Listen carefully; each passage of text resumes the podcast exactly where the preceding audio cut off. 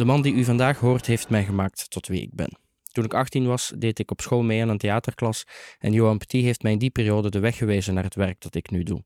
U zult horen dat hij een ongelooflijk begnadigd en innemend verteller is en als je daar meer van wil, luister dan alsjeblieft naar zijn podcasts Waar gebeurt, Lulletje en Klein Johanneke. Ik zal de linkjes klaarzetten. De boekhandels waar je vandaag terecht kunt zijn www.stadleest.be en www.boekhandelbroekhuis.nl. Veel plezier met deel 2, hoofdstuk 1. Baby, don't you wonder?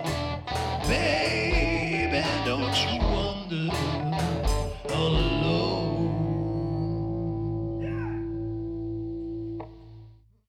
In de dagen na die hectische, existentiële ochtend waarop Amy mijn leven door elkaar schudde, kreeg ik om de zoveel tijd van Samantha en Alexander berichtjes en foto's toegestuurd die de heilzame rust moesten illustreren waarmee ze mijn dochter overladen. Met name de foto's leken gemaakt door een team van professionele marketingmedewerkers. In een van die perfect belichte plaatjes zat Amy precies op de gulden snede met een blauw dekentje over haar knieën gedrapeerd. Niet slonzig weggezakt in de bank, maar in lotushouding. In haar handen een ogenschijnlijk handgemaakte comté die, mijn ex-vrouw kennende, hoe dan ook Ayurvedisch was. Het opvallendste detail? De curve van Amy's rug, die haar hele leven al op een vraagteken leek, was nu nagenoeg kaarsrecht. Toen al, vanaf die eerste foto's, heeft het verloop van Amy's zogenaamde genezing mij een diep maar onpeilbaar onbehagen bezorgd. Dat kwam ook door de rol die mijn ex daarin speelde, zoals bleek uit de spraakberichten die ze bijvoegde. Eigenlijk wil ze niets liever dan de hele dag van die natuurdocumentaires kijken met de stem van David Attenborough. Het liefst over leeuwen die prooien verslinden of over insecten die zich ingraven in de hersenen van andere beesten. Ik probeer haar daarvan weg te houden. Een van de dingen die Samantha in dit soort berichten deed, was de schijn creëren dat er tussen ons een ouderlijk gesprek gaande was over hoe we de opvoeding van onze dochter het beste konden aanpakken. Terwijl ik niets aan Samantha's gedisciplineerde, vakkundige zelfverbeteringsprogramma had toe te voegen. Natuurlijk dacht ik meteen: God, laat dat kind toch gewoon op een bank hangen en zich vergapen aan beelden van die paar laatste plekken op de wereld waar de woestheid en de gedachteloosheid van de natuur nog steeds een grip heeft op de aarde. Laat haar verdomme zien hoe slakken kruipen, hoe apen klimmen en hoe luipaarden gazellen laten bloeden. Misschien vergeet ze voor een moment dan te denken aan zichzelf.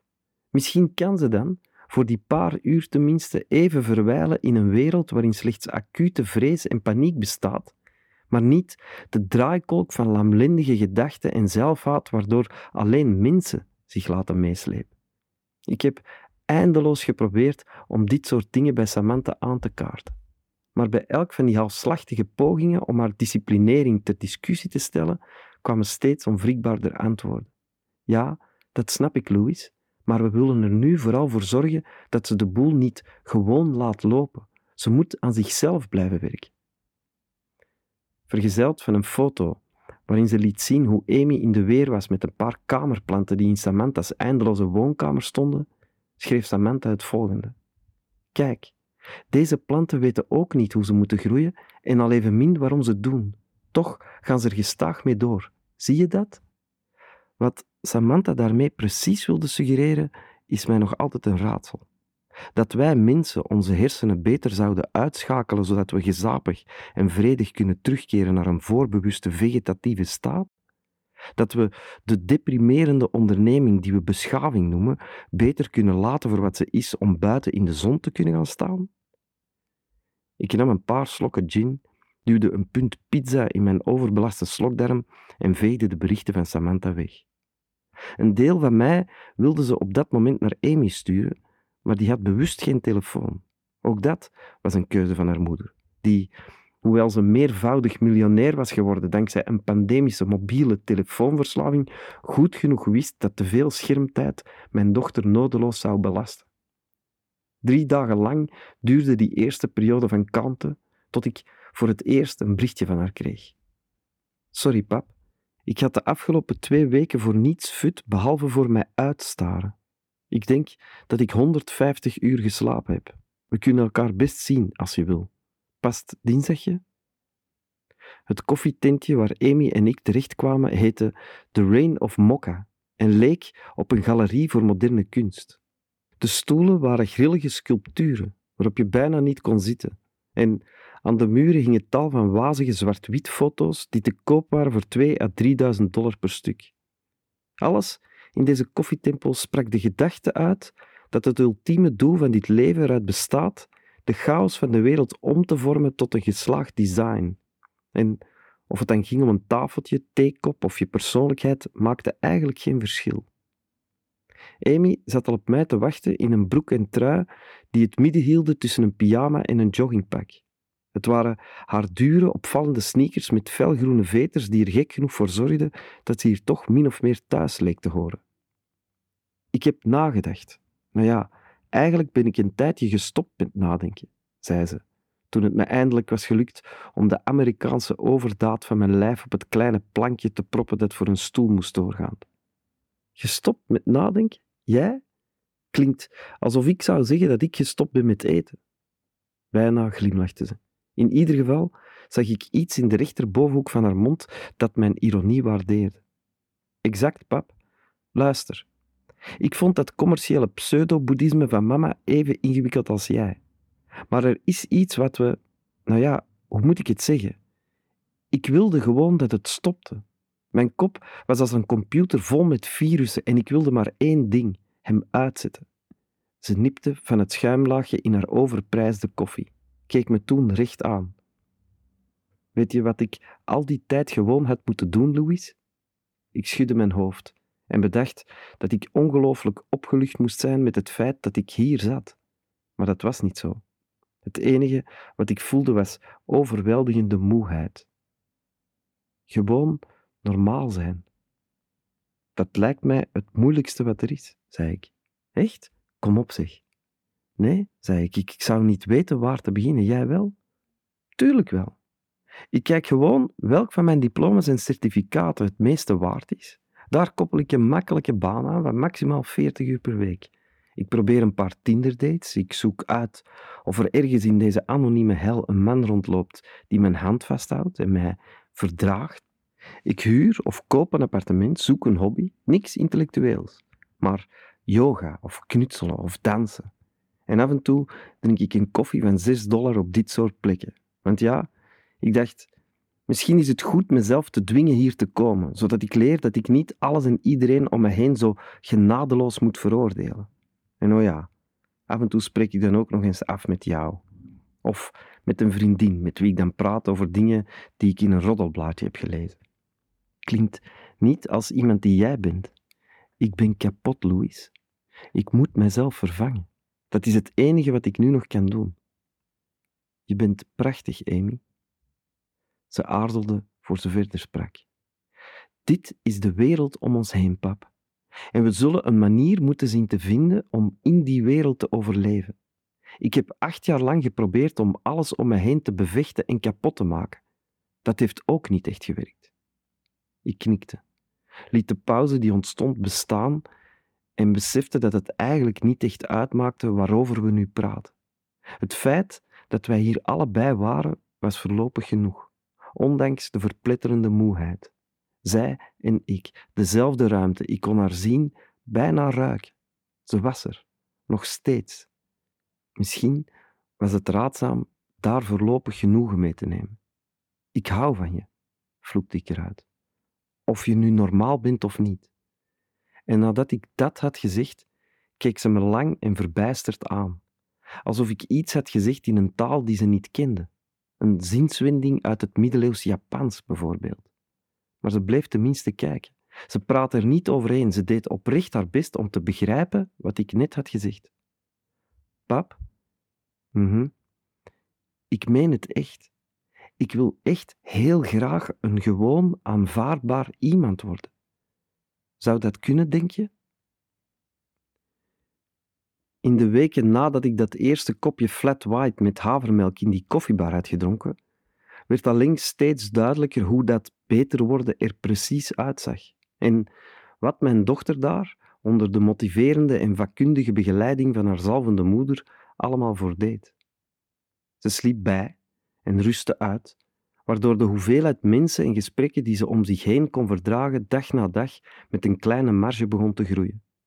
De huisarts schreef haar een bijna onbeperkte hoeveelheid angstremmers voor, waardoor de ergste vlagen van de aanhoudende, kloppende paniek in ieder geval voor even onder een deken werden geduwd. Amy legde uit dat de psychiater met wie Samantha haar in contact had gebracht antidepressiva overwoog, maar dat met zeer veel begeleiding en beleid. In het begin bestond namelijk de kans dat de pillen de situatie zouden verergeren. Ze leek haar psychiater op een blinde manier te adoreren. Ze had de avond voorafgaand aan het eerste gesprek zijn proefschrift gelezen, in de hoop allicht om hem tijdens het gesprek onderuit te kunnen halen op een of ander wetenschappelijk dubieus detail. Maar dat was niet gebeurd. Hij had haar meteen, tijdens de eerste minuut nog van de sessie, gezegd dat hij best begreep dat ze dood wilde. Hij had het jaren geleden zelf ook wel eens gewild. In essentie, zei hij, is het normaal dat jouw lijf, je geest, je hele zijn een uitweg zoekt als de situatie waarin je leeft ondraaglijk is. Amy had aanvankelijk hevig geprotesteerd tegen die bevestiging, maar juist door het idee toe te laten, beweerde die psychiater, juist door er ruimte aan te geven, zou de paniek uiteindelijk zakken. Had ik dat dan ook moeten doen? vroeg ik. Begrijpen dat je dood wilde. Amy zweeg. Maar in haar ogen zag ik dat ze er duidelijke mening over had. Tijdens het eerste gesprek met haar psychologe, over wie ze zei dat die haar aanvankelijk deed denken aan de oppervlakkige meisjes uit haar middelbare schoolklas, had Amy een half uur lang ononderbroken zitten praten over de geboorte van het moderne concept van het innerlijke zelf in de geschriften van Rousseau en Luther. En hoe dat concept, door iets wat zij een Californische therapeutische golf noemde, was verheven tot hoeksteen van onze maatschappij. Het idee van zelfwaarde en zelfliefde, zo had ze die therapeuten uitgelegd, was fundamenteel geweest in de bevrijding van de moderne mens ten opzichte van maatschappelijke instituties. Maar nu compleet doorgeslagen in een atomaire, narcistische werkelijkheid waarbij de rol van de grote ander in ons leven onzichtbaar was gemaakt. Zelfliefde, zo beweerde Amy, kun je niet zelf creëren. Je hebt er de geïnternaliseerde steun en liefde van anderen voor nodig. Inbedding, afstemming, verbinding. De therapeut had Amy midden in dat verhaal onderbroken en toen een halve minuut lang in de ogen gekeken. En toen, vroeg ik, nadat ik in de Rain of Mokka voor de vierde keer een ander soort koffie had besteld.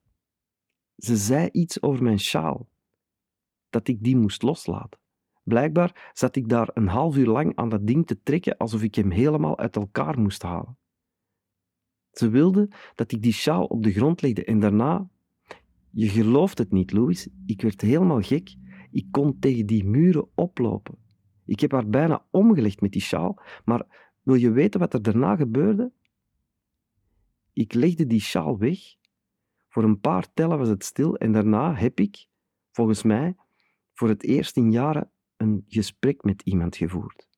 Hm, zei ik, nauwelijks verbaasd overrompeld door verpletterend schuldgevoel en tegelijkertijd in de toon en de stem van de jonge vrouw die nu tegenover mij zat, naarstig zoekend naar overeenkomsten met het suïcidale meisje dat ik weken geleden achterna was gerend. Na lang zoeken begon het mij min of meer te lukken om het meisje in die koffiebar te rijmen met mijn dochter. Het leek er namelijk op het eerste gezicht op dat Amy had ontdekt dat de werking van haar eigen geest en de vele slopende manieren waarop die zich tegen zichzelf kon keren, een onderwerp was dat ze kon bestuderen. Net zoals ze dat met judo, programmeren of bepaalde aspecten van de theoretische fysica kon doen. In die koffiezaak en tijdens de paar telefoongesprekken die we in die periode hadden, vertelde ze ontboezemende, bijwijlen echt ontroerende dingen over zichzelf, op een toon waarop ze evengoed een wetenschappelijke paper uit de doeken had kunnen doen. De regelrecht ironische bijwerking daarvan was dat mijn dochter mij op een behoorlijk intellectualistische toon uitlegde dat haar intellectualisme een defensiemechanisme was waarmee ze dag en nacht zonder zichzelf ook maar een seconde rust te gunnen, de dingen probeerde te verhullen die ze verstandelijk nooit of te nimmer zou begrijpen. Namelijk waarom ze soms wakker werd van angst, zich aangevallen voelde door haar eigen minderwaardigheid en naar een diep soort duister werd getrokken door gevoelens die haar niet wilden zeggen waar ze vandaan kwamen en wat ze van haar wilden. Maar nu ze had ontdekt dat ze datzelfde verstand kon gebruiken om haar eigen zelfverbetering te doorgronden, zette ze zich vast in de geschiedenis van de psychiatrie met een naarstigheid die niet verschilde van de intensiteit waarmee ze alle therapiescholen eerder van de hand had gewezen. Ze legde uit hoe de cognitieve therapie was ontstaan als reactie op de ondoorgrondelijkheid van de psychoanalyse en hoe uit die cognitieve therapie uiteindelijk weer schematherapie voortkwam, wat volgens haar dan weer heel erg leek op psychoanalyse. Amy vertelde over dozen met ratten, pijnprikkels, serotonine-niveaus, controlled randomized trials en het sociale leven van chimpansees en andere primaten. Het meest in de ban raakten ze op den duur van mindfulness en andere aan het boeddhisme gerelateerde denkwijzen over wat ze stevast het niet helpende deel van onze hersenen was gaan noemen. De vele verzetspogingen jegens haar moeder destijds, waarin ze haar werk op dat vlak afdeed als nihilistische en commerciële verkrachting van iets wat hoogstens kon doorgaan voor pseudo-spiritualiteit, was ze blijkbaar volkomen vergeten. Wist je, Louis, de grootste revelatie die ik tot nu toe heb gehad, is dat niet alleen mijn dwanggedachten, maar alle vormen van denken overroepen zijn. De eerste keer dat ze dat zei, heb ik haar een paar tellen lang woordeloos aangestaard. Lief, denken is voor jou praktisch het enige wat er bestaat. Het is wie je bent. Nee, zei ze. We vergissen ons echt in het belang dat we daaraan toekennen. Descartes met zijn hele cogito ergo sum. Hij zat ernaast, pap. Die man heeft zich tomeloos vergist. Bij veel mensen, en in mijn geval zeker, is denken juist een manier om niet in de wereld te zijn, om te verdwijnen, om in cirkels te draaien. Zeg nu zelf, wat denk jij op een dag dat echt van waarde is? Uh, stamelde ik. Mensen hebben iedere dag ongeveer 60.000 gedachten en de meeste daarvan gaan over angst en zorgen en de dingen die je nog moet doen en je mislukkingen en wat anderen van je vinden. Niet over het oplossen van armoede of het klimaatprobleem. Dus, zei ik, nu leert jouw moeder je hoe je niet moet denken. Nee, zei Amy, dat is het dus totaal niet. Iedereen denkt dat mediteren hetzelfde is als niet denken. En Toegegeven, dat is wat ik vroeger ook dacht. Maar nee, het is eerder hoe je er tegenover staat. Wat je met die gedachten doet, wat ze met jou doen. Jezelf er niet door laten meeslepen, ze niet achterna jagen, je er niet door laten wurgen, maar gewoon ze er laten zijn. En op dat punt in haar betoog klampte ik mij aan dat peperdure kunstwerkje van een koffie vast als aan een boei want ik merkte dat mijn eigen geest meteen in opstand kwam tegen alles wat Amy zei. Desalniettemin besloot ik niks te zeggen. Ze genas. Ze zou beter worden. En ik moest haar daarin steunen. Het beste uit onszelf is uitgegeven door Pluim. De muziek is van Mark Nochem en Martijn Baak.